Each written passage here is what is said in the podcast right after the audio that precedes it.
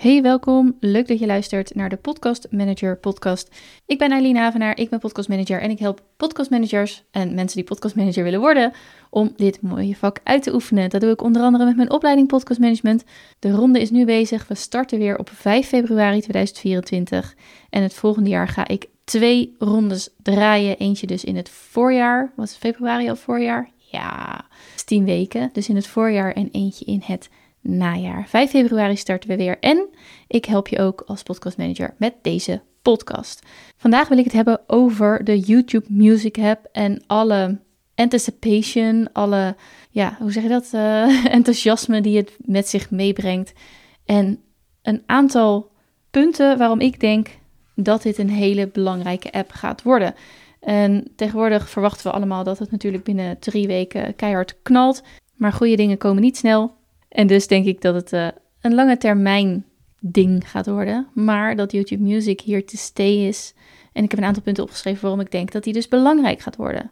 Goed om te weten voor jou en goed om te weten voor je klanten.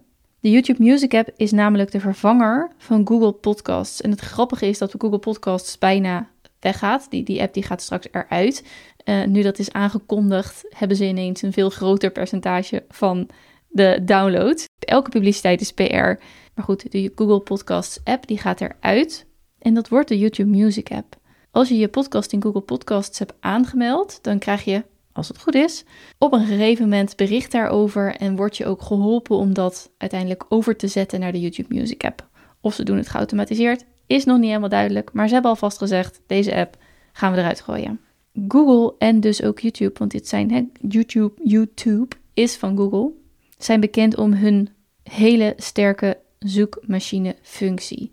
Het algoritme is al jaren verfijnd en dat geldt voor alle tweede onderdelen, zowel voor Google als voor YouTube. Ik blijf gewoon YouTube zeggen, want dat, zo zeggen we dat hier. En dat is voor mij makkelijker.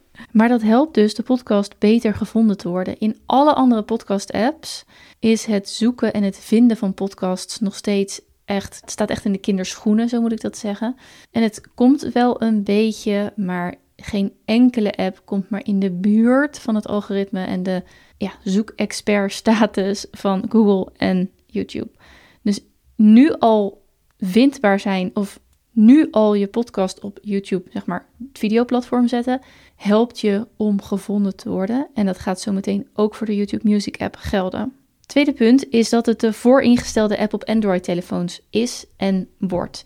Als je nu een Android-telefoon koopt, dus geen iPhone met een Apple-systeem erop, maar eigenlijk bijna alle andere telefoons die draaien op Android, dan, staat er dan, staan er, dan staan er een aantal apps op die alvast vooringesteld zijn. En YouTube Music wordt de vooringestelde podcast-app.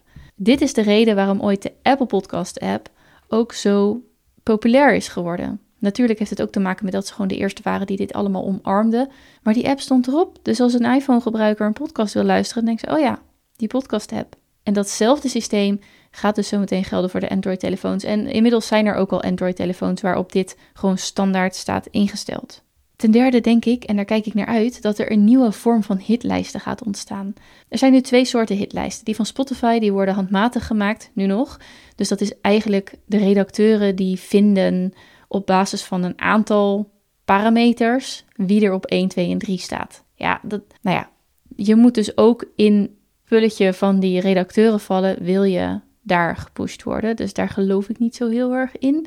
De Apple hitlijsten hebben een technische aanvliegroute, waardoor je daar wel iets mee kan. Maar dat is een heel ander verhaal. YouTube Music, ik verwacht dat ook hier hitlijsten gaan komen. En nou ja, Algoritmisch zijn ze dus heel sterk. En ik denk dus dat hier ook hele waardevolle informatie vandaan gaat komen, omdat ze het op basis van de data gaan doen. En dat de YouTube Music hitlijsten ook helpen om vindbaar te zijn, om te zorgen dat je in bepaalde zoektermen naar boven komt, dat je aangeraden wordt. Hè. Dat doet YouTube natuurlijk ook heel goed nu in de videoversie. Het aanraden van uh, andere video's die je misschien wel leuk kan vinden. En ik denk dat de hitlijsten die ik verwacht dat er gaan komen, dat die echt waardevol gaan zijn voor de podcaster. Dan is YouTube een bekende naam voor nieuwe luisteraars of voor de luisteraar. Er zijn zoveel mensen die naar YouTube kijken voor video's en die het woord YouTube kennen, dat als ze gaan kiezen voor een podcast-app of als jij ze naar een podcast-app wil leiden, dat het ja, wat mij betreft, de meest laagdrempelige vorm is voor een nieuwe podcastluisteraar, omdat ze YouTube al kennen. En dit is een aparte extra app van YouTube. En dus bekend. En zeg maar, het voelt veilig. Dat het heel logisch is om mensen hier naartoe te verwijzen. En verder in de app is er de mogelijkheid om comments achter te laten. En dat is geen enkele app nog gelukt.